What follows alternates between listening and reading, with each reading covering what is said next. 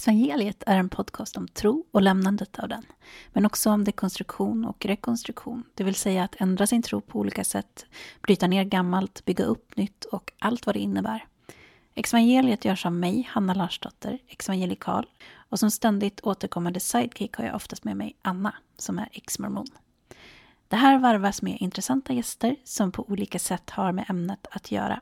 Tillsammans vill vi stötta, informera och diskutera och du är välkommen att vara med.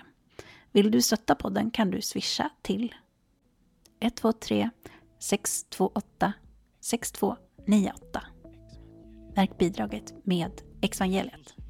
Många bäckar små. Tack för ditt bidrag och tack ni som redan stöttat oss.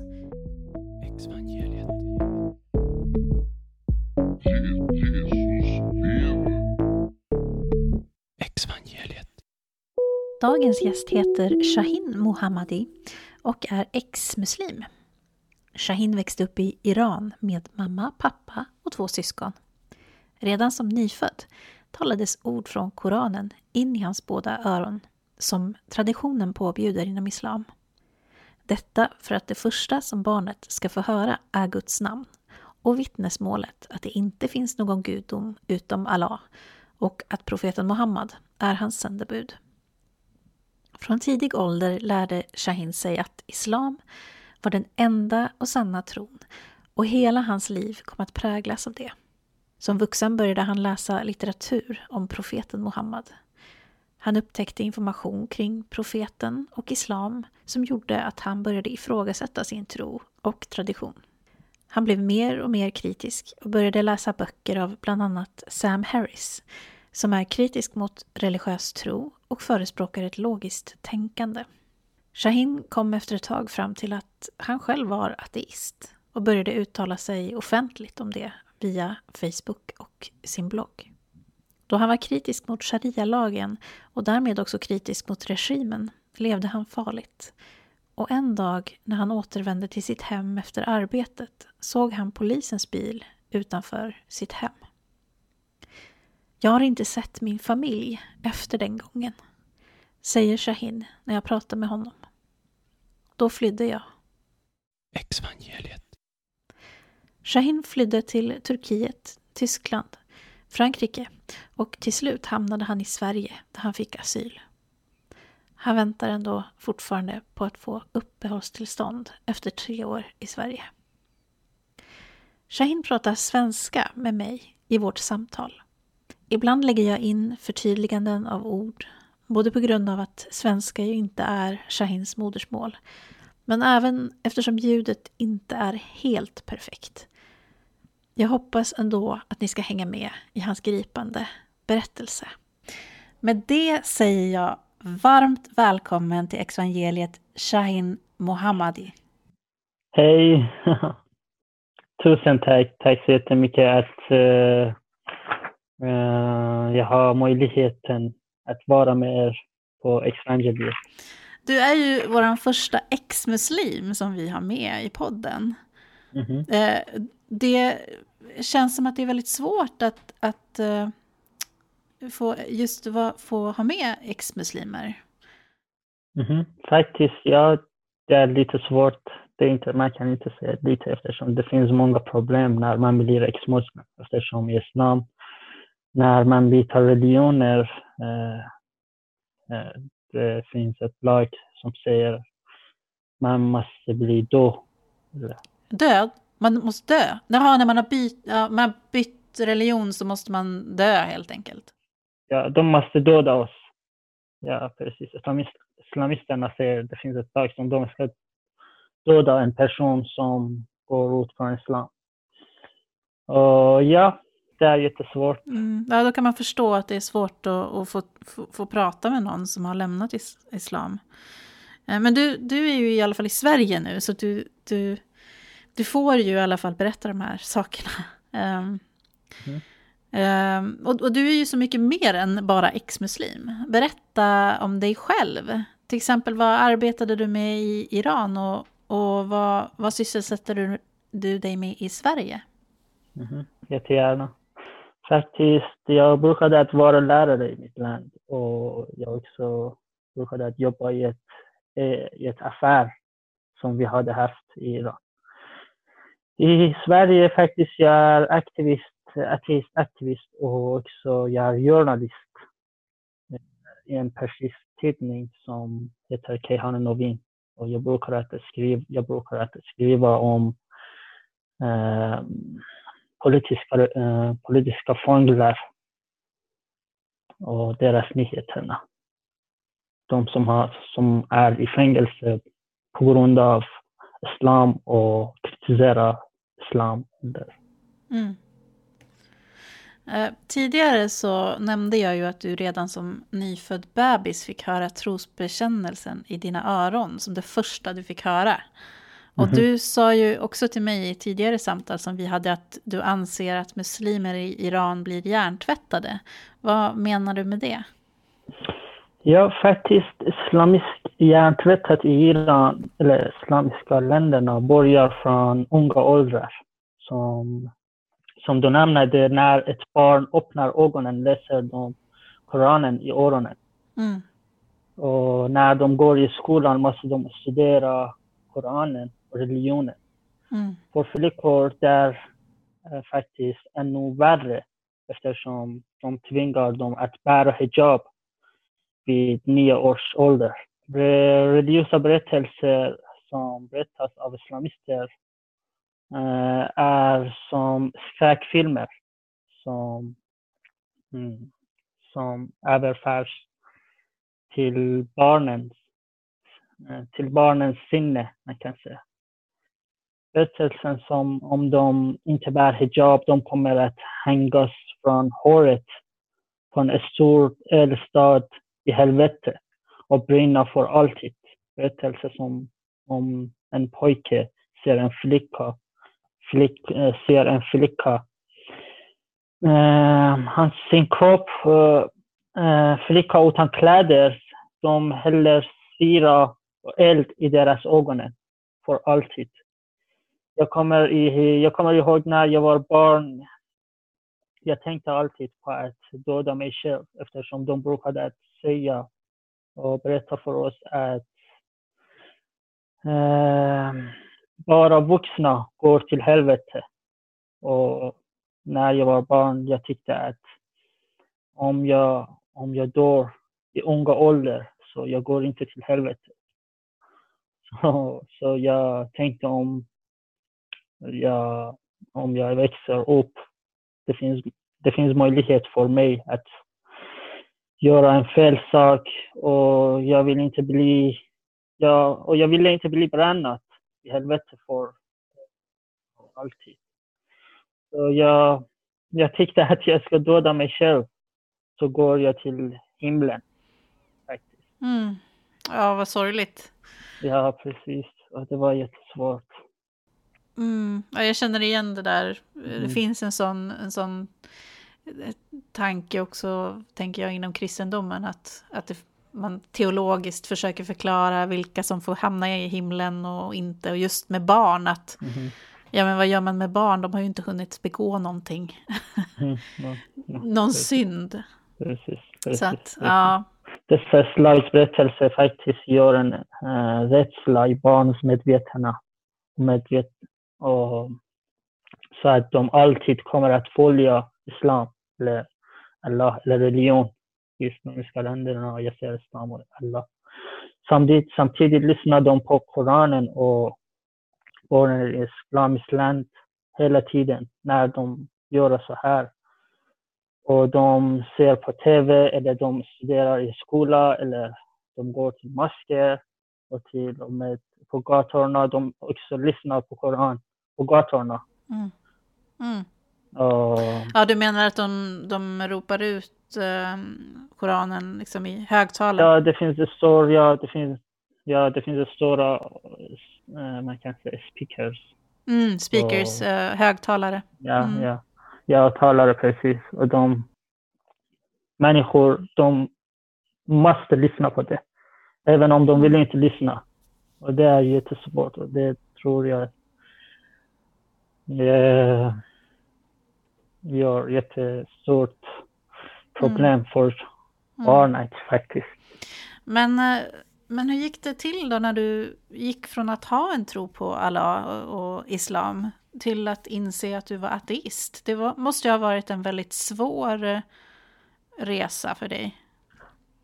Ja, faktiskt, det är en lång historia och det finns massor av saker som, som, som hände för mig faktiskt. Uh, och uh, om, jag vill, om jag vill prata om det, uh, det som hände för mig. Jag kommer ihåg en dag jag gick ut. Det var en, en dag som heter i islamiska länderna som shia-länderna, man kan säga. Det finns två delar av islam just nu som de är stora. Det finns mer, men två av dem är så stora. En av dem är shia och en av dem är sunni, man kan säga. Och den här Ashura-dagen som är för shia-muslimer och de säger sin imam och de eh, sörjer för sin imam och slog sig själva för att visa att de är ledsna och arga. Och några av dem går även om längre och de skär huvudet med stora uh, mm. knivar. Själv, självskada sig på något sätt. Ja, mm. precis. För, vad sa du, varför gjorde de det? För att eh, de sörjer sin eh, profet? Nej? Va? Det, ja, det är inte profet, Nej. deras, en av dem, imam. deras imam man kan säga. Ja, precis. En av deras imam som heter Hussein. Och i den här dagen de, de vill visa de är mycket ledsna. Ja. Så de skadar ja. sig själva. Mm.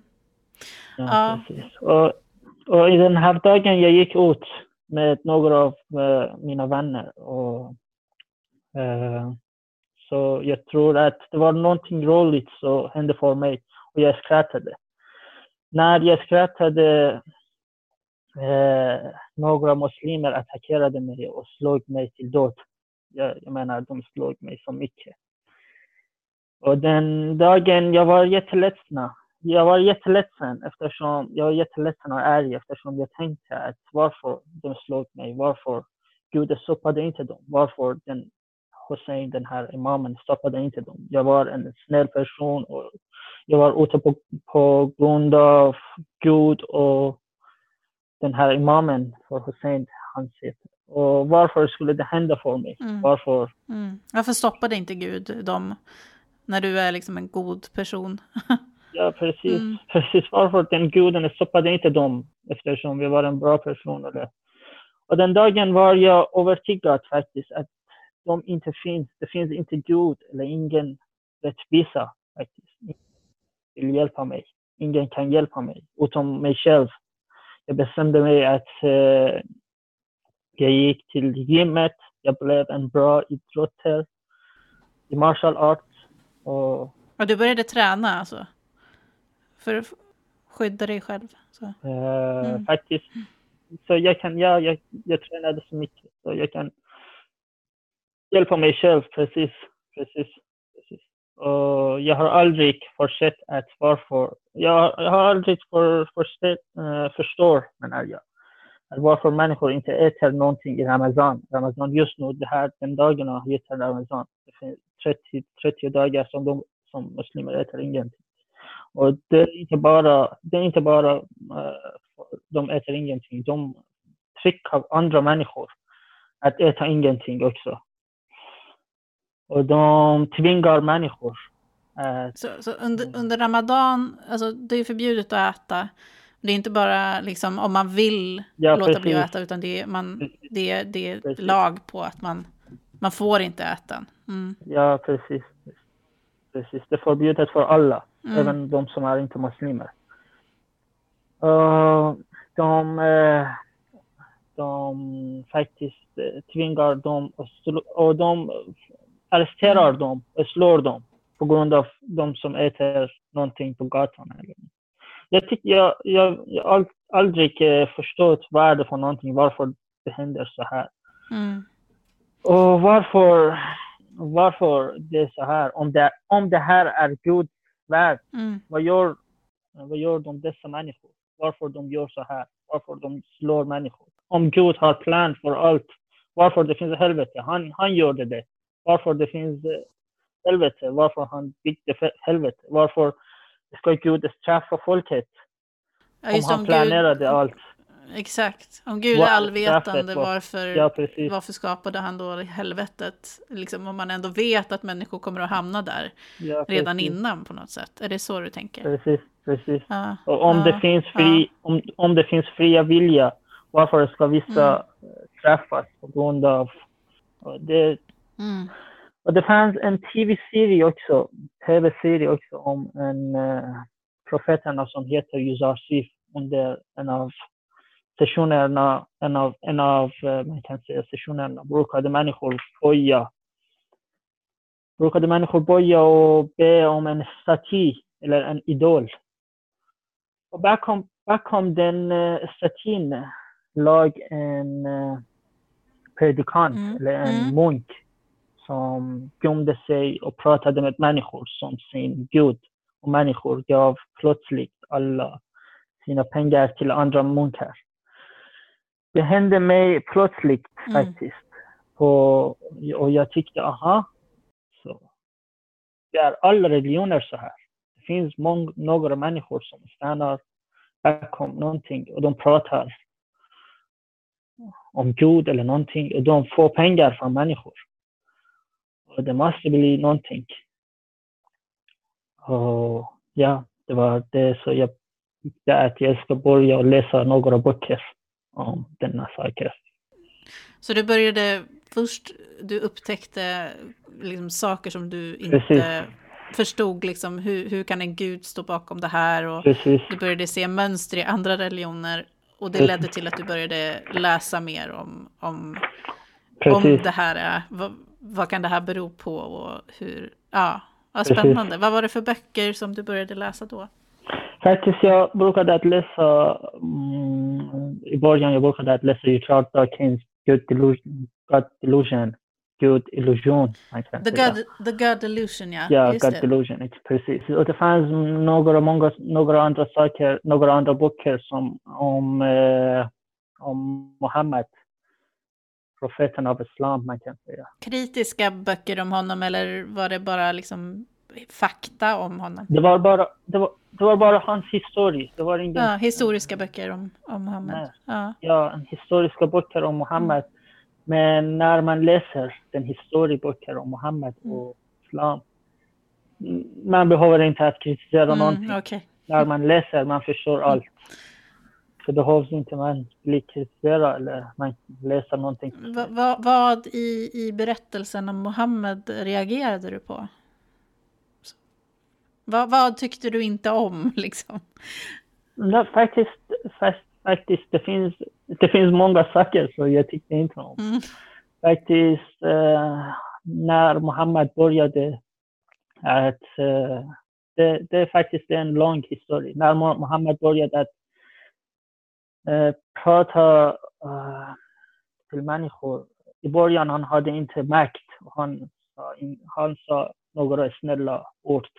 نگر اسنلا مینینگر است خور. من افتر هان فا مکت هان باریاد ات دودا مانی خور. افتر ده باریاد ات کما دوم مینینگر سوم پراتر اوم دودا اندرا مانی خور.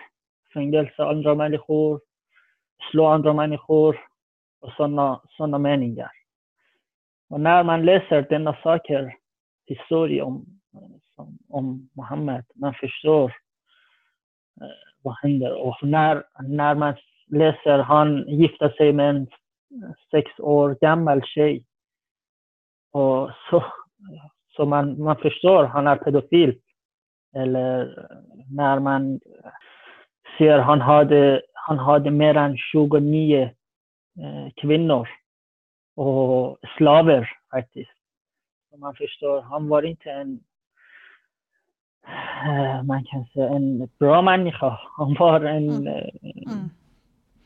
ja, Ja, jag förstår. Du tyckte inte att han verkade vara en speciellt bra människa helt enkelt. precis. precis. Nej, jag vet att det där med att han gifte sig med, vad heter hon, Aisha? Aisha, precis. Aisha, eh, jag har hört lite olika åldrar på henne. Nio år brukar jag höra ibland. Faktiskt, Mohammed, eh, Mohammed tyckte att han ska gifta sig med henne när hon var sex, men, men det tog två, två eller tre år. Och det, så hon kunde, man kan säga, ha relation med henne. Hon, han kunde ha sex någonting med henne. Ja, precis, för jag har hört det också, att det är vissa som har sagt att eh, ja, nej, men de fullbordade inte äktenskapet förrän hon var si och så gammal, så att det var inte egentligen pedofili eller ja.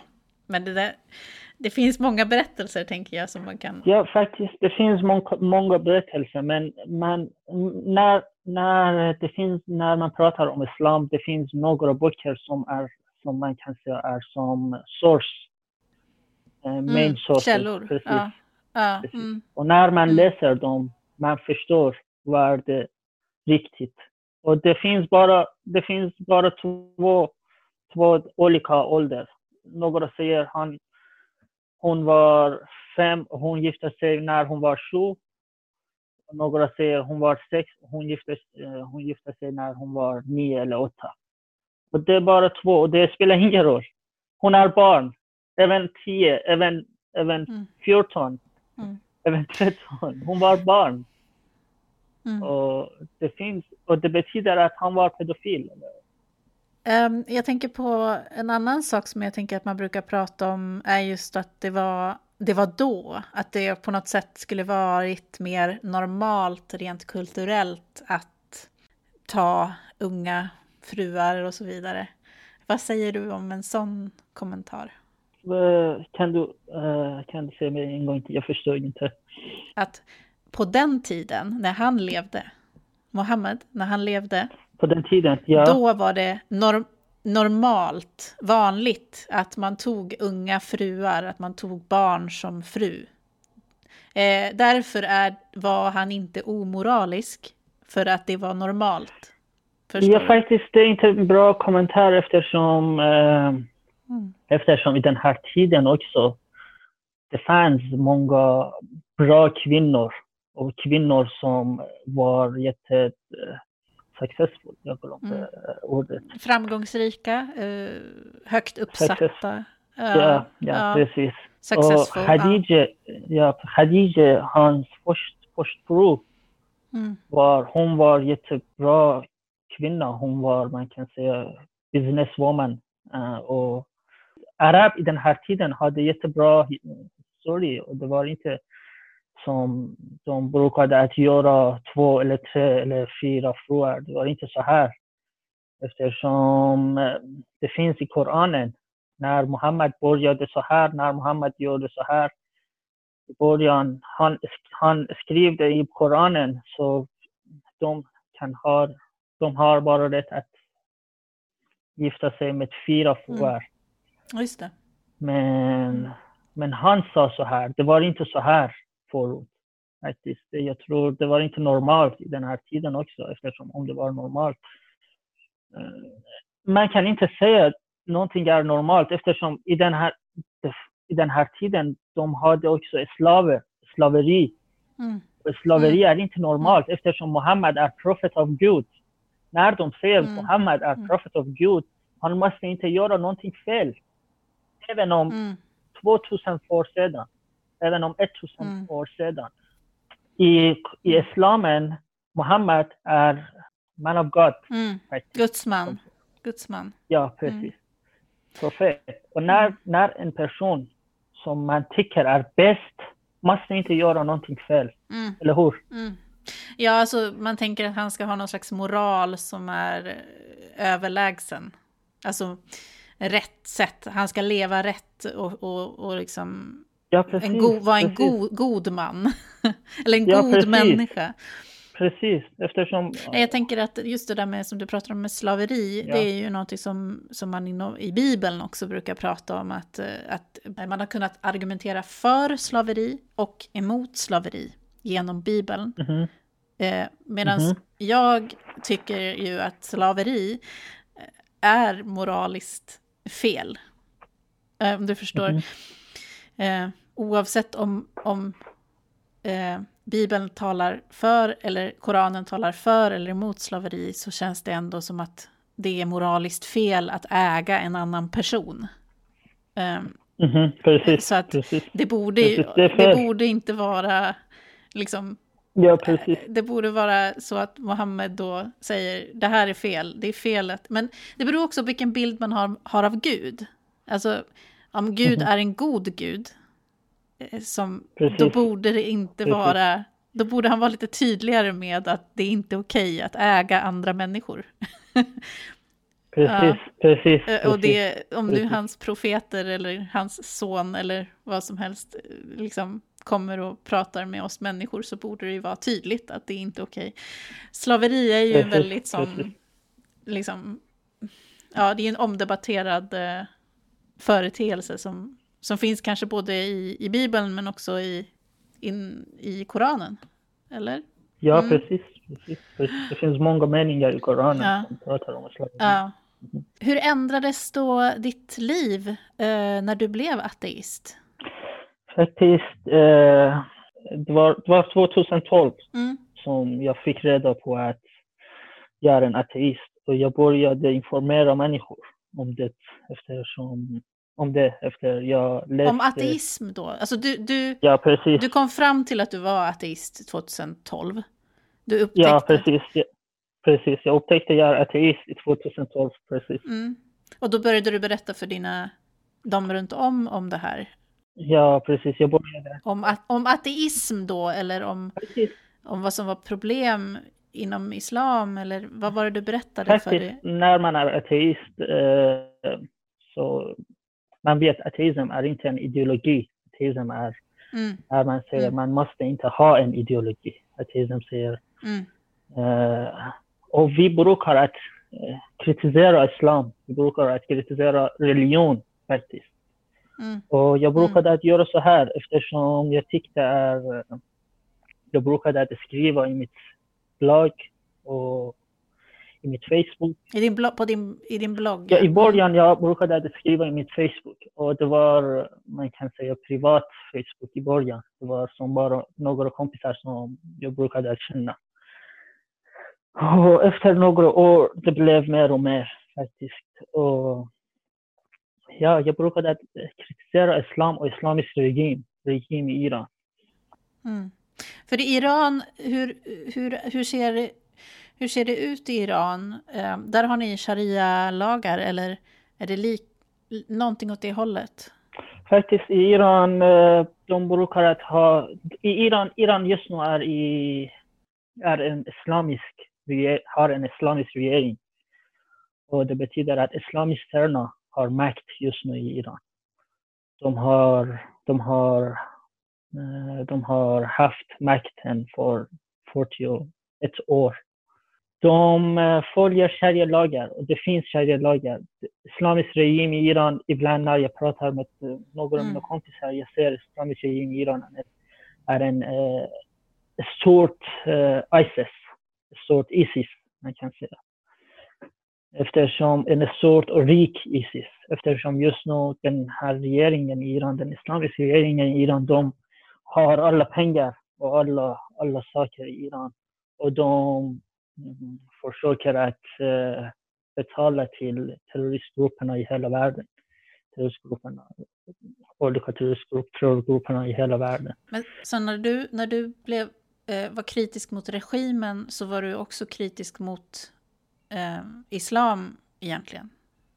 Ja, faktiskt jag var kritisk eh, emot islam och islamisk regeringen eftersom jag visste att vårt problem var från islam. Så det, så det ändrades på så att du blev mer aktiv i, i att berätta om det här. Men, men varför var du öppen, öppet kritisk till islam när du, när du ändå visste hur, hur farligt det, det var? Ja, eftersom, eh, eftersom jag hade hittat orsaken till alla fattigdom, orättvisa, korruption och brott som rådde i samhället, i det här islamiska samhället i Iran. Och jag visste, jag visste redan att eh, de härskare som härskar över oss är tjuvar som får sina intressen genom att lura till människor, lura till folket, hålla folket okunniga. De ville, ju, de ville hålla, de vill hålla folket okunniga. Och jag visste att religiöst styre betyder korruption och förståelse. Jag var inte längre okunnig och hade en skyldighet att informera andra, andra människor. Mm. Jag var trött mm. på diskriminer, diskriminering och ojämlikhet i samhället och den enda vägen Ja, det är bara med allmänhetens medvetenhet som människor blir medvetna om och försvarar sina rättigheter. Den väg jag startade var farlig. Mm. Men vägen som tagits av vårt islami, vår islamis, islamiserade samhälle är inget annat än förståelse. Um, vad, vad, vad händer med människor som, som kritiserar islam i Iran? Vad, vad kan hända med en sån person? Ja, de eh, faktiskt eh, de dödar eh, människor mm. eller de skickar dem på fängelse eftersom de mm. kritiserade islam och islamisk regimen. Mm. Uh. Så, och det, och det, det höll på att kanske hända dig där. För du, vill du berätta hur det gick till när du till slut var tvungen att fly? Vad var det som hände den dagen? Eh, den dagen som jag fly från Iran. Jag faktiskt, eh, jag får hjälp. Eh, ja, jag, får hjälp. Jag hade en hemligt liv som ett tag till, till smugglaren som presenterade min, min vän. Kom och, kom och hjälpte mig. Så jag kan gå till en säker plats. Du berättade ju för mig det här med att du kom hem. Vi skulle vilja berätta det där. Du sa att du kom hem ändå. Nej, jag kan, ja. jag kan berätta i början, från början. Faktiskt, jag kom hem. Eh, jag var eh, nära, nära vårt hem och jag såg några, eh, två, kom, två polisbilen. Och det fanns en av dem, två av dem var framför huset. Och, de, och när vi ser dem, de, de brukar att ha vanliga kläder på deras själ. De bara, bara, de bara, de bara har vapen. De var civila eh, poliser? Mm. Ja, precis. Civila brukar man kalla precis, det, så de precis. hade vanliga kläder. De såg precis, inte ut som poliser, utan ja, men bara med vapen hade de på sig. Ja. Och när jag såg dem, eh, eftersom jag i den här tiden jag, jag brukade att börja att skriva i mitt blogg, en, min första blogg man kan säga. Förut jag brukade att skriva i mitt Facebook, men den här några dagar jag brukade att skriva i mitt blogg. Och jag tyckte det måste bli någonting. Och jag flyttade till, min, till eh, en av mina kompisar. Och jag ringde eh, till min syster. Och hon sa mig, de kom hem och de, ta, de letar efter dina saker och de letar efter mina saker. Och mm. Min mamma var sjuk. Hon var rädd, jätterädd. Hon gick till... Mm, efter efter den, den här tiden, hon gick på i, eh, sjukhuset och hon var i ICU. ICU, ja. För en vecka. Mera hjälp de skulle göra eftersom hon, hennes eh, blodtryck var nästan 23-24 och det var jättefarligt för henne. Mm. Och den här tiden jag flyttade till, eh, jag, när jag pratade med min syster, jag förstod vad gjorde de. Jag flyttade till eh, Teheran. Och jag gick där och jag gick till, en, eh, till hos en släkting där. Och de hjälpte mig. De hjälpte mig med smugglar, smugglaren, man kan säga. Och sen, ja, den smugglaren hjälpte mig att åka till Turkiet och sen efter några, några dagar faktiskt, det tog nästan en månad. Så jag, jag brukade att leva i deras liv, i deras hem. Och sen jag gick till Turkiet, eh, jag gick till Tyskland, Frankrike och sen Sverige. Mm. Och faktiskt, det var sista dagen som jag har sett min mamma var den här dagen som jag kom ut från huset. Mm. Och, och hur länge sedan eh, var det? Ja, det är nästan tre år. Mm. Precis. Ja, tre år. Tre år. Mm. Tre år och en månad. Men den, ja. Mm. Ja. Nästan, ja, ja, jag kom till Sverige. Mm. Ah. Ja, ja det, låter, det låter så sorgligt. Ja, faktiskt det är svårt. Det är svårt, man ser inte mm, familjen igen. Inte, och vi var, vi var jättenära. Vi var jättenära Mm. och vi hade Mm. ganska bra liv tillsammans. Mm. Ja, Har du pratat eh, med Mm. dem eh, på, via nätet eller? Ja, faktiskt vi pratar ibland med eh, WhatsApp. Vi kan inte prata med telefon direkt, men ibland vi pratar med WhatsApp. Så inte så många gånger, Mm. men ibland, ja. Mm. Vi kan mm. prata med WhatsApp, så tack WhatsApp. Ja. Ja. ja. Ja, ja. Ja, wow. Ehm, men hur, hur var det att komma till Sverige? Hur har det varit att, att vara flykting i Sverige? Faktiskt i början jag var jättedeprimerad. I början jag var jättedeprimerad och Mm. eh, jag kunde inte göra ingenting. Jag var hos bara i hem och var Mm. nästan ett och ett halvt år. Jag Mm. gjorde ingenting. Jag Mm. var, jag var jättedeprimerad faktiskt. Mm. Och jag, efter det jag började att gå till eh, skolan. Jag började att lära mig svenska. Mm. Och jag brukade att leta efter jobb eller någonting. Mm. Det tog lite tid för mig. Mm. Och sen jag kunde lära mig lite svenska. Är inte Mm. så mycket, men lite svenska. Och sen jag kunde hitta ett jobb också i vården. Mm. Mm. Ja, och just nu jag väntar för Migrationsverket i början. Faktiskt, ja, jag väntar för Migrationsverket. Stulen. Ja, för du har ju sökt eh, asyl som ateist i Sverige. Eh, Ja, men, du ja, har fått, ja. fått, men du har fått avslag. Ja, faktiskt. Jag har fått avslag eh, från Migrationsverket. Jag vet Mm. inte varför, men ja. Jag har en, en annan vän som har en liknande problematik. eh, som också har fått avslag. eh, f- för att de tror inte att han är, att han är eh, ateist, att han har lämnat sin tro. Men Mhm. om... Faktiskt, om ja. ja, eh, Faktiskt, de tror att jag är ateist, men de säger i Iran ateister kan ha en bra liv. Ja. Men, men om du skulle få avslag nu och behöva åka tillbaka till ditt hemland som aktiv ateist, alltså vad skulle det innebära för dig, tror du? Faktiskt, om, jag kan inte gå tillbaka till Iran eftersom om jag går tillbaka till Iran, då vet jag de dödar mig och de skickar mig först. De, först de äh, eh, arresterar mig. Jag går under, eh, man kan säga, de, jag går till en, en plats som ingen vet var jag är för någonstans för, för några månader och de brukar att investigate. eh, Undersöka. Mm.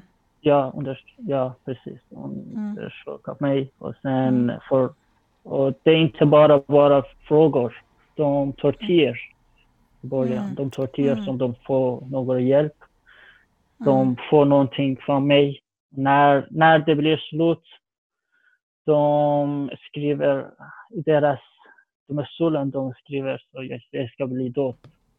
Mm. Och jag ska vänta i fängelse för, för min död. Om jag, om jag har chans, jag ska vänta. Om jag har ingen chans, så jag dör eh, right away.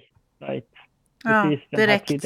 Ja, direkt. Precis. Men Shahin, alltså, du, du måste vara rädd. Mm, Är du rädd? Faktiskt, faktiskt för människor som mig. Mm, Jag kan inte säga jag är inte rädd, men för människor som mig som jag har, som jag, jag förlorade allt. Jag, Mm. jag, allt jag, jag hade haft förut. Jag, jag har ingen, eh, man kan säga ingen ident, identitet. Identitet. Ja. Ja, precis. Jag har ingen identitet just nu. Man kan säga jag har ingen normalt liv. Jag har bara, Mm. jag har, för människor som mig, jag förlorar ingenting eftersom det, det, det livet som jag, Mm. mm, det där livet som jag väljade. Och jag, i början jag visste att det finns många saker, där man, det kan hända många saker för mig. Det kan hända många saker för min familj också. Men eh, Ja. ja, men Wow, alltså det, jag blir så otroligt rörd av din berättelse. Det är, jag tror det är så svårt eh, att förstå, det tror jag, för en som har bott i Sverige, eh, hur, eh, hur, hur det inte är okej att uttrycka sina åsikter, Mhm. att uttrycka kritik, att få, inte få ha sin religion eller avs- att, att få välja att inte ha en religion mhm, att det, det är så svårt tror jag för, för många svenskar att förstå mhm, eh, din situation. mhm. ja, det är svårt. Jag tänker just hur, hur viktigt det är med religionsfrihet. Jag tror att det är många som inte förstår. Ja. Ja, hur, ja, hur, hur ser du på religionsfrihet? Ja, ja, faktiskt, jag tycker att det finns ett stort problem i den här religionsfriheten. Faktiskt, den här är, föräldrar har inte rätt att få att följa en religion, att uh, förtrycka deras barn att följa ett religion. Mm, Eh, faktiskt, eh, mm, ingen borde på, uh, påtvinga mm, sitt barn mm, sina politiska eller sina ideologiska eller religion mm. Åsikter. Och det är någonting, jag tror att det är någonting fel. Så, Ja. ja. Jag tänker att, vi, att det är viktigt att, att vi har religionsfrihet på så Ja. vis att du ska kunna uttrycka dina känslor, dina tankar, dina åsikter. Eh, Mhm. En annan person ska kunna uttrycka sina Ja. åsikter, sina tankar. Man måste ju Mhm. också kunna få tro på vad man vill. Men det Ja, finns också kanske gränser och problematik med religionsfrihet precis. Och det, det har vi pratat mycket om i, eller ja, jag vet inte om vi har pratat så mycket om det i podden, men vi har, jag har, brukar prata mycket om det, att, alltså just det här att vi måste våga prata om också när blir religionsfriheten till förtryck? Alltså när är det frihet, när innebär friheten att förtrycka andra människor? Förstår Mhm. du hur jag tänker? Att, Mhm. Till exempel som, som med barn då, att Ja, ett, ett barn bestämmer ju inte själv, ett barn har ju inte en religionsfrihet, utan den Precis. är ju en del av sina föräldrars religionsfrihet. precis. Eh, precis. och och där, där tycker jag att vi måste börja prata om. Eh, Ja, precis. Det är jätteviktigt. mm. Ja, Speciellt i Sverige jätte- där, vi, där vi redan är så pass fria med att kunna prata om såna här saker, så är det väldigt viktigt.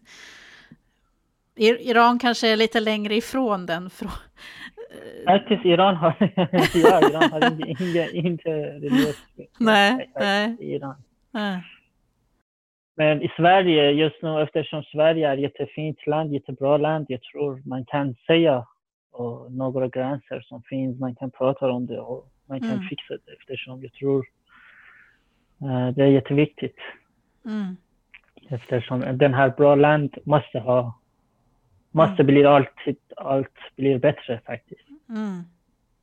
Men det är alltså förbjudet att ha en annan religion, eh, till, en- en annan religionstillhörighet än islam i Iran? Är det förbjudet alltså? Faktiskt, det, det är förbjudet att byta religion i Iran. Det är förbjudet att, ja, men, men det finns också några människor som har en speciell religion, men de kan inte säga någonting. De, kan inte, de är inte fri att säga deras religion. De, het, de heter Bahai. Bahai? Eh, Mm. Ja, Bahai. Men eh, i Iran, om man byter religion, det finns, det, det kommer att hända någonting dåligt faktiskt. Ja, ja, det är alltså dödsstraff på det då, eller som du sa där i början. Ja, eh, det finns några lagar, de dödar eller de skickar dem på många år på fängelse. Men aktivism har dödsstraff, man kan säga. Aktivism med dödsstraff, ja. Jag tror att det är så viktigt för, för, för oss som, som lever i Sverige att få höra din berättelse. För att eh, förstå hur, hur, hur, viktigt det är att eh, den här kampen för liksom, människors frihet att kunna få, ha, få uttrycka sina åsikter, den pågår ju i en stor del av världen fortfarande. Ja, ja faktiskt det är jätteviktigt eftersom de som, vi som kommer från islamiska länder och vi, speciellt vi som kommer från Iran, vi vet var religion. Vi vet var, var när de små organisationer får makten. Eh, den här, den här regeringen som har varit i Iran, de, har, de var en små organisationer. Och sen de får makten och, de blev, och det blev så här. 40, 41 år sedan, Iran var inte så här. Iran var en, eh, en religion, en religiös land. Men det var inte så här. Det var jätte, det var jättefrihet. Det var jättebättre än här. Jag säger inte att det var perfekt, men det var mycket bättre än just nu. Så vi som kommer från Iran, vi människor, vi kommer från en holocaust. Vi kommer från en holocaust. Vad menar du med att ni kommer från en holocaust, alltså en förintelse på något sätt? Ja, faktiskt menar jag, menar jag en eh, små, små fängelse. Ett stort fängelse. Iran just nu är en stor fängelse eftersom ni kan tro på Isis just faktiskt. I islamisk regering i Iran är en stort Isis. Och vi som kommer från där, vi vet vad är när, vad är när en små organisation får makten. Mm. Det blir så mm. stort. Och vi vet att när, när islam får makt, eller en religion får makt i ett land, ett land mm. vad vill hända? Mm. Vad, vad mm. ska hända? Eller, mm. ja. Um, men hur, hur ser din aktivism ut idag? Faktiskt uh, har jag en Instagram-sida och jag har nästan 11 000 följare. Wow. Ja, och jag brukar att um, kritisera religion, men uh, mostly islam, man kan säga. Islamisk regim i Iran. Och jag samarbetar också med uh, vissa organisationer som ex-muslimer av Skandinavien och Ateistrepubliken. Och dessutom skriver jag nyheterna om politiska fångar i tidningen eh, som jag arbetar för. Särskilt de som sitter i fängelse på grund av eh, kritiserad islam. Det, det, kan ju vara så faktiskt att, att uh, det finns andra som lyssnar på det här som, som är i samma situation som dig och vill mm -hmm. engagera sig i den här eh, aktivismen. Hur, hur gör man då? Eh, vilka kan man ta kontakt med? Eh. Ja, faktiskt det finns många, många eh, webbsidor. Just nu, jag som arbetar med muslimer och eh, ateistrepubliken och de kan, de kan bara hitta dem på Facebook eller deras webbsida på internet. Och de, de kan bara skriva ex-muslimer och det kommer och det kommer allt, eller ateist republik också, och det kommer också. Och det spelar ingen roll vilket språk de pratar. Det, om det finns eh, i i ateistrepubliken, vi har arabisk, arabisk och engelska, arabiska, persiska och ex-muslimer också. Det finns många organisationer som ex-muslimer i hela, i, som olika organisationer. Och det, det, det är jättelätt man får kontakt med dem. Och jag också har mitt egen Instagram och jag, jag är aktiv i Facebook också. Vi, vi, kan ju, om du vill kan vi ju lägga upp uh, lite länkar uh, i, i programbeskrivningen, avsnittsbeskrivningen och här ja, så, om, så kan folk uh, hitta, hitta dit. men, men känns det som att det är farligt även i Sverige att uttala sig som ex-muslim? Faktiskt, eh, det är inte farligt att bli ex-muslim i Sverige för eh, de som känner inte den här personen. Men det finns också några, det måste bli några familjer eh, som de blir arga när deras barn eller deras familj och deras, man kan säga, hedersrelaterat.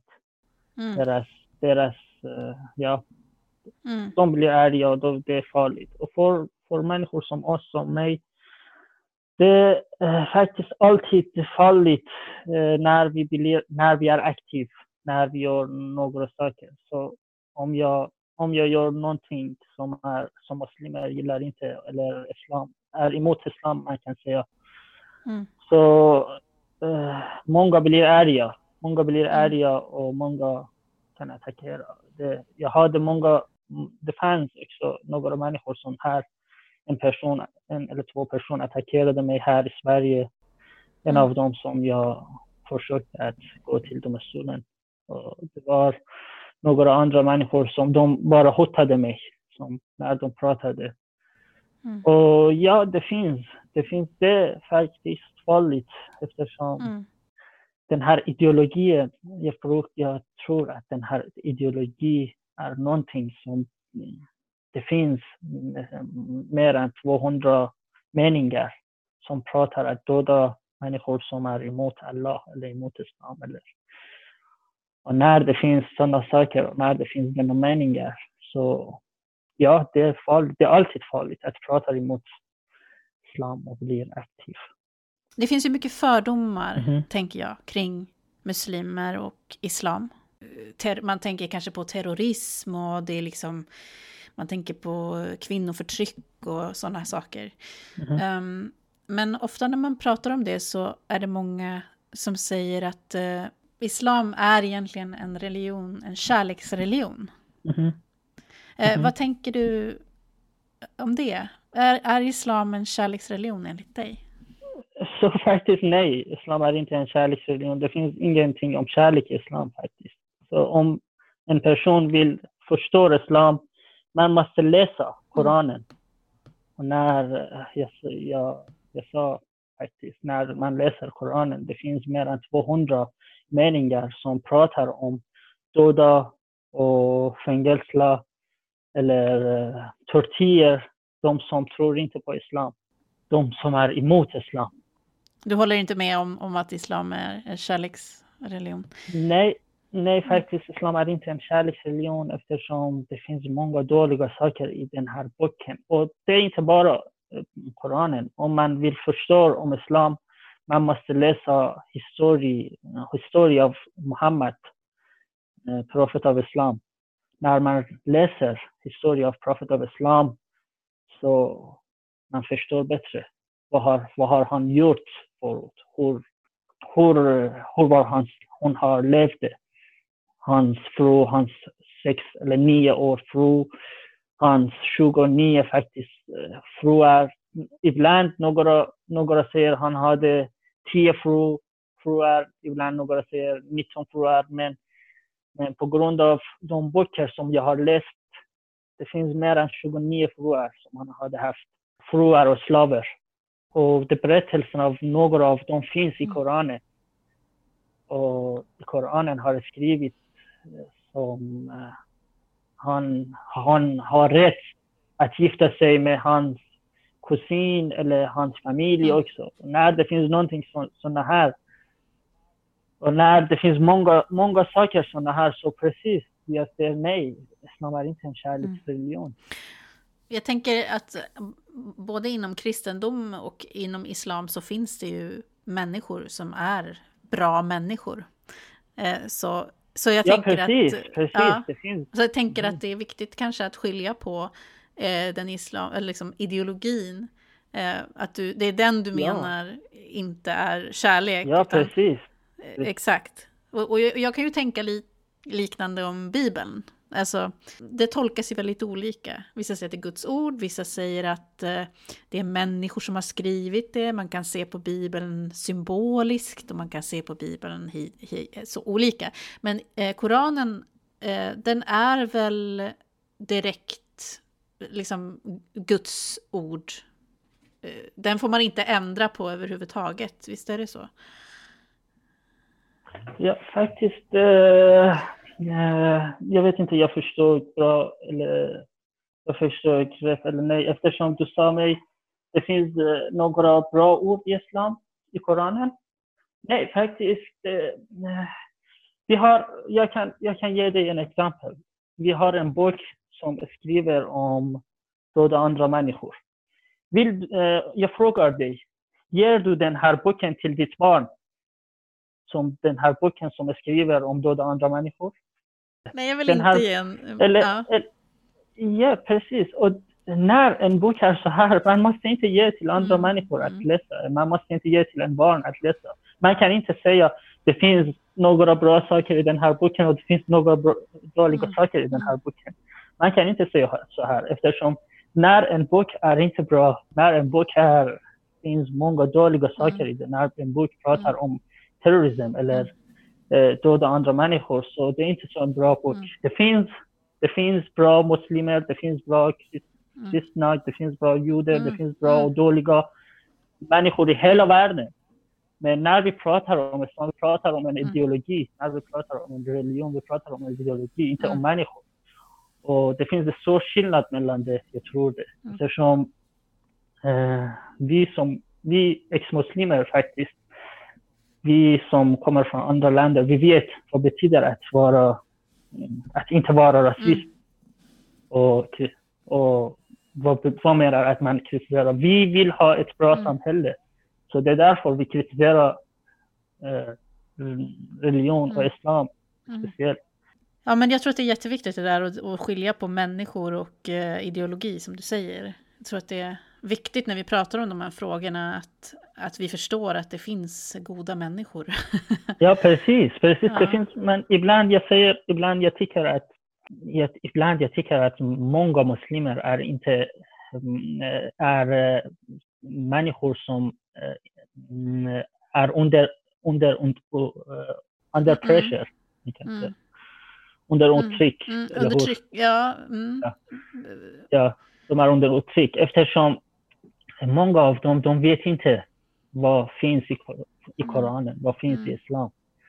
Och de, de bara måste följa på grund av deras mm. familj. De, de vet inte vad de följer. De, många av kvinnor, de, vill, de vet inte varför, varför de bär hijab många kvinnor, deras man eh, slår dem, men de säger ingenting eftersom de tror att den här religionen, den här islam, ser så här. Så jag tror många av dem är som offret. Offret. Uh, offer? Offret. Eller? Oh. Ja, off, mm. offer. Ja. ja, offer. Ja, offer av religion, offer av mm. islam.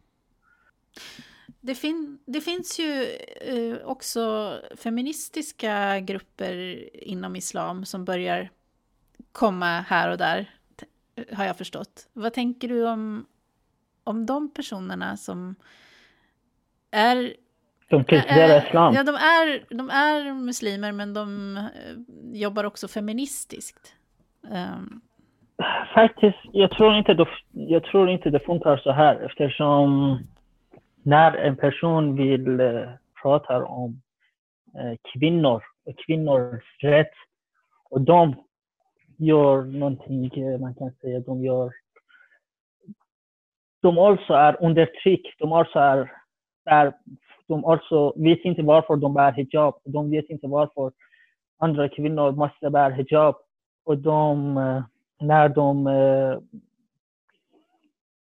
man kan säga, när de försvarar den här ideologin. Så de kan inte, de kan inte bli feminist, de kan inte försvara kvinnors rätt eftersom de, de, är, de är också off, off, offer, man kan säga, offer av islam. Ja, ja, och då måste vi komma ihåg att uh, det här är ju dina åsikter och det kan ju vara så att uh, vissa av de här kvinnorna som jobbar feministiskt, de kanske inte alls ser på det på samma sätt som du tänker jag. Men jag tror att, men jag tror att de vill visa en eh, bra eh, Eh, bild av islam. Och, det, och vi vet att eh, det är inte så här. Jag tror att det, jag, faktiskt islam är inte så här som de pratar om. Och jag tror man måste, när man måste säga någonting, man måste säga sanning. Sanningen, man kan säga. Och jag tror det är jätteviktigt att man alltid pratar om sanningen. Jag tycker det där kan vara så svårt. Eh, jag brukar tänka, för jag brukar kritisera kristen feminism ibland. mm. Just då mhm. med, men det, men det är ju på helt andra, andra, andra grunder. Eh, men, men ibland kan jag tänka att alla sådana små steg, eh, någon tar feministiskt initiativ eller, eller jobbar för hbtq-frågor, att det är i alla fall bättre. Det, det är åt rätt håll, om du förstår vad jag, jag menar. förstår inte, förlåt. Du ser, det är bättre att de pratar om det och, än, ja, än, än ingenting. Alltså det är bättre, det rör sig åt, åt rätt håll. Jag förstår vad, du, jag förstår vad du menar, men jag tror, ja. jag tror det är inte så, så här. Eftersom jag tror att mm. när de vill visa en vacker bild av religion eller en vacker bild av islam, så det, det, det är den dag som blir värre. Eftersom det finns många barn i hela världen. De vet inte vad är islam. De tror att de tror att eh, de som säger islam är bra de tror att okay, islam är bra och de följer islam. Och det är därför just nu islam har 1,8 biljoner människor, 8 biljoner följare. Hur många, hur många av dem vet vad är islam? Hur många, hur många av dem vet att vad de följer? Och islam är stark, islam är, har makt på grund av den numret. 1,8 biljon människor. Och jag tror de, man kan säga, jag säger till de reformister, jag tror de är eh, farligare mm. än de islamister okay. som, eftersom de islamister visar islam vad som, vad som, vad som är. De visar förstår, andra människor. Ja. Mm. Men de nej, de, de, de försöker att visa en, en vacker bild av islam. Mm. Mm. Jag tror det är inte så här. Det måste inte bli så här. Jag förstår alltså hur du menar. Jag tror att det, det, det är också, som sagt, det är svårt också att jämföra kristendom och islam eh, mm. eftersom det, det känns som att de är på väldigt olika platser i... Ja, precis. Eh, alltså, mm. i utveckling, liksom att kristendomen har ju funnits också längre. Jag tänker att, eh, att det har hänt väldigt mycket. Och, och, men det som, och det som jag, jag har ju väldigt liksom pratar ju oftast med, med ganska liberala kristna och sådär. Och det är ju det är väldigt stor skillnad på, på liberala kristna ja. och, och mer... Ja, precis. precis. Eh, och, och, ja. och, och, där kan jag känna eh, idag att jag kan, jag kan eh, samtala med någon som, som, som jag är ju då feminist. Och jag kan prata med en kristen feminist och vi kan vara överens om väldigt många saker. Men vi är inte överens när det kommer till Guds, gudsfrågan och finns Gud eller inte. Mm -hmm. Och där, där kan jag ju känna att min bild av Bibelns Gud är mm -hmm. inte den här goda, starka, vackra, feministiska mm -hmm. guden, utan den mhm. bilden som jag har av Bibelns Gud är mer eh, patriarkal och in, inte, en, inte en god gud. Mm-hmm. men de jag tycker förstår, det. Förstår. Eh, och då, ja, men... där kan jag känna så här, var, vi måste ändå kunna jobba tillsammans i frågor som rör mm. kvinnors rättigheter. Och, men ja, vi måste faktiskt... också, förstår du vad jag menar? Vi måste också kunna prata om där vi inte håller med varandra. Men islam mm. kanske inte riktigt är där idag. Men faktiskt, ja, men faktiskt när vi, det finns någonting annat när vi vill säga att vi kan jobba tillsammans. Mm. Vi, vi ska också kolla på de tjejerna som bor i islamiska länderna och de mm. måste ha hijab. Mm. De måste bära hijab. Mm. De kan inte ha deras egen liv. De kan inte mm. ha, välja mm. deras egen eh, kläder. Och mm. när, när jag tror när de, de feministerna kommer med hijab och de pratar och de säger att islam är så fint och vi måste göra så här. Det är någonting kontradiktion. Det är en kontradiktion. Och det är vi har många, eh, ja, jag känner många kvinnor som kommer. Det var en kvinna som hon brukade att vara i Frans. Hon brukade att säga att islam är jättefint och islamisk regim i Iran är jättebra regering. Och förra året hon kom tillbaka till Iran, islamiska regimen i Iran, de de, de eh, har gripit henne och skickade henne till fängelse för fem år. Mm. Mm. Även om hon var, även om hon eh, defended islam och islamic Ja, försva försvarade. Försvar, försvar- precis. mm. Även om han, hon försvarade. Och jag tror vi måste inte göra så här. Vi måste, när vi pratar om islam eller eh, hijab eller Mm. några sådana saker, vi måste tänka om kvinnor Mm. som, i, som i andra länder, i Iran, i Saudiarabien, äh, äh, Saudiarabien som de går på fängelse på grund av att de har inte hijab. Det finns många tjejer i Iran, de går på fängelse för mer än 20 år. Det finns tjejer som de tände eld på deras själv på grund av hijab. När vi, när vi, ser, när vi tycker och en person kommer och försvarar islam eller hijab eller sådana saker så jag tror det är fel. Det Mm. man kan säga.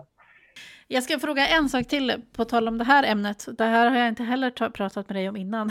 Men det finns ju, det finns ju en eh, kvinnlig imam i Danmark. Som Ja. heter Sherin Kankan, tror jag. Ja. Kankan. Eh, Känner du till henne? Faktiskt, jag känner inte henne. Jag känner inte Mm. henne, men jag har hört. Jag har faktiskt, jag har läst någonting om henne. som Mm. hon, eh, hon, eh, hon är imam faktiskt. Men eh, det, det tror jag det är en annan kontradiktion. Mm. När vi läser Koran, i Koran skriver eh, kvinnor har, är, eh, kvinnor är halv värd av eh, männen. Mm, De är hälften så mycket värda, helt enkelt. Ja, precis. Mm. Precis. Och när man läser denna och de andra saker som säger så vi, först, vi förstår det är en stor kontradiktion att en Mm. kvinna blir imam.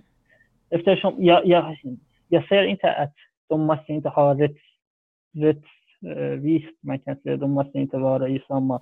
Men jag Mm. säger att islam är fel. Mm. Ja, du tycker ju att islam är fel överlag. Och sen, Ja, precis. alltså, du börjar ju där liksom. Ja, och hon precis. börjar mer liksom att eh, jag vill, jag vill förändra islam inifrån på något sätt. Tänker väl hon då, Sherin Kankan. Alltså hon, hon, hon vill ju ha kvar islam, men Ja, förändra precis. Den. Mm. Precis, precis. Hon vill ha, ja, precis. Hon vill ha kvar islam. Och det, när vi säger någonting är fel, någonting är fel. Vi kan inte vackra den här, ting, den här äh, saker. Vi måste inte vackra den. När vi vackrar den, det blir mer problem. När en person bitar, när en person, en, eh, till exempel en barn, de läser i deras öronen som han måste följa islam. Och han, هان الهون ار سو یت سو نردم ار سو نایف. سو دوم فولیر ادوم فولیر اسلام و قرآن و افتر دوم ار ارتون الر سمتون الر فیورتون الر شوگو دوم گور و تند ال در اشل الر دوم اکسپلودر در اشل نردم یور سو هر. سو دوم دوم ماست بیلی سو نایف و منی خور. سو دوم یور ده سو هر. دوم دوم الله وار بارن دوم الله تنکر در یه det är en bra sak att göra. Och när vi vackrar, islam, hur ska vi vackra Koranen? Hur ska vi, vi ska, vi ska, mm, man kan säga, vi ska kroppa eller eh, Mm. Ta Remove. bort... eh, Ja, Ta ta bort. bort... eh, ta ja. bort mer än, mer än halva av den här boken. Mer än det. Du tycker det att det, det skulle behövas för att den skulle bli okej, liksom?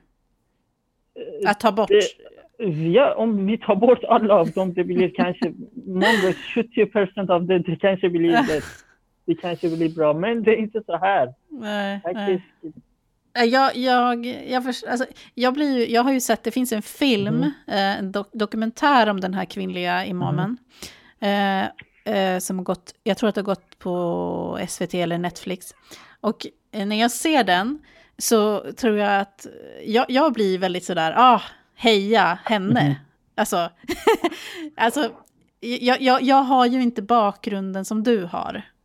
Jag har ju ett slags västerländskt, liksom, åh vad härligt att hon eh, kämpar för att eh, hbtq-personer ska få gifta sig och, och eh, att hon, hon viger eh, alltså par där eh, det, det är någonting med att män får gifta sig med någon utanför religionen, men kvinnor får inte göra Ja, det. precis. Precis. Det är fel. In, inte religiöst. I, hon, får, hon, ja, hon får... Du menar att det är fel att göra det enligt Koranen? Mhm. Det som hon gör? Är det det du Ja. menar? Ja, för att hon, hon viger ju interreligiösa eh, liksom, Jag, eh, personer. jag tror hon börjar att göra en, en eh, ny religion, man kan säga. Det, Eftersom det islam är nå- så här. Om, Mm. om, om hon vill bli så här, hon, hon, jag tror hon har hennes egen Koran eller hennes egen Mm. islam eller hennes egen religion, man kan säga. Mm. Mm. Mm. Islam är inte så här. Islam är en, någonting annat. Islam är på riktigt eh, de som gör islamiska länder. Islam är på riktigt de som gör i Indonesien, i Iran, i Saudiarabien och andra islamiska länder. De, islam är lagar som Isis gör. Om vi vill byta den, det blir någonting annat. Vi måste, eh, jag tror vi måste ta bort eh, eftersom när vi vackrar vackrade den, det finns många människor som de är naiv. Du vet, de följer. Eh, de, de tänker inte, de säger så, okej, Koranen är en bra bok. Vår, vårt imam säger Koranen är en bra bok. Men när de läser i Koranen, de säger ni måste döda, eller det, måste inte vara hbtq-människor. Och när imamen säger det måste vara så här. Och det blir en stor kontradiktion. Många av dem tror på Koranen. Mm. Och jag tror det är fel. Exvangeliet. ja, men det var jätteintressant att få prata med dig. Och jag, alltså jag uppskattar verkligen att du ville, att du ville vara med och berätta. Ja, jag hoppas jag... Ja, nej, men för att just det där... Mm, det, det, ja, det kan ju vara så att, att jag skulle också kanske vilja ha med någon som, som har en annan syn än vad du har på eh, kanske att reformister är bra. Men det som är bra för mig är också att jag har fått höra din berättelse. Att du tycker inte att det bidrar Precis, till eh, någonting gott. Eh, precis. För att, och jag tänker att det har ju mycket att göra med att du utgår ju från att Koranen och eh, Islam inte är bra. Eh, eftersom du är ju ate- ateist och, och, och jobbar liksom från det hållet. Medan jag tänker att någon som redan är troende och väldigt liber- liberal tycker att det här är en jättebra grej. Att hon är reformist liksom. Mm, ja. eh, jag tror men, inte. hur som helst. Nej, jag, jag menar inte, Jag jag menar inte, men jag tänker, ibland kan det vara bra att höra olika, men, men jag, jag, eh, jag är ju också av eh, åsikten att religion inte kanske är jättebra. Precis. Jag, jag är ju själv ateist, du och jag är ju ateister båda två, så vi har ju den utgångspunkten. Precis. Ehm, precis. ibland tänker jag att det kan, kan också vara bra att höra, höra andra röster, även om man inte håller med så kan vi ha ett samtal om det. Men jag är väldigt glad att, att du kom och berättade Mhm. Tack. berättade Tack, hur jag du hoppas- tänker. Tack. Jag hoppas mitt svenska blir bättre så jag kan, kan säga, prata bättre och eh, Ja, jag tycker att, jag tror att det här går jättebra att förstå. Och jag, jag, jag hänger med och sen har jag förtydligat ibland. ja. men eh, men jag, jag, du får jättegärna komma tillbaka och prata mer om, vi skulle ju kunna prata om, om ämnen som andra ämnen, som om den islamiska ideologin eller hijab eller ja, jättegärna. jättegärna. Mm. Jag blir jätteglad. Mm. Jag med. Är det någonting mer du skulle vilja berätta för dem som lyssnar på det här avsnittet av Exvangeliet? Ja, faktiskt, jag vill, eh, jag vill bara säga tack för att du gav mig möjligheten att vara med eh, er på Exvangeliet Mm. och jag är jättetacksam. Och jag hoppas vi, kan, vi kunde ha ett värld utan religion och krig och gränser och eh, människor kunde leva ett lyckligt, man kan säga lyckligt liv tillsammans. En värld utan hung, eh, hunger, man kan säga, utan en värld utan barnarbetare, en värld utan eh, en värld som alla har ett lyckligt liv. En värld som ingen måste förflyttas av sin övertygelse och inte har någon plats att leva. Tack så jättemycket Shahin. Tack, tack själv. Tack själv. Lycka till med, med eh, din asylansökan också. Tack så jättemycket. Jag håller tummarna. Tusen tack. Mm. Tusen tack. Tusen tack. Tusen tack. Tusen tack.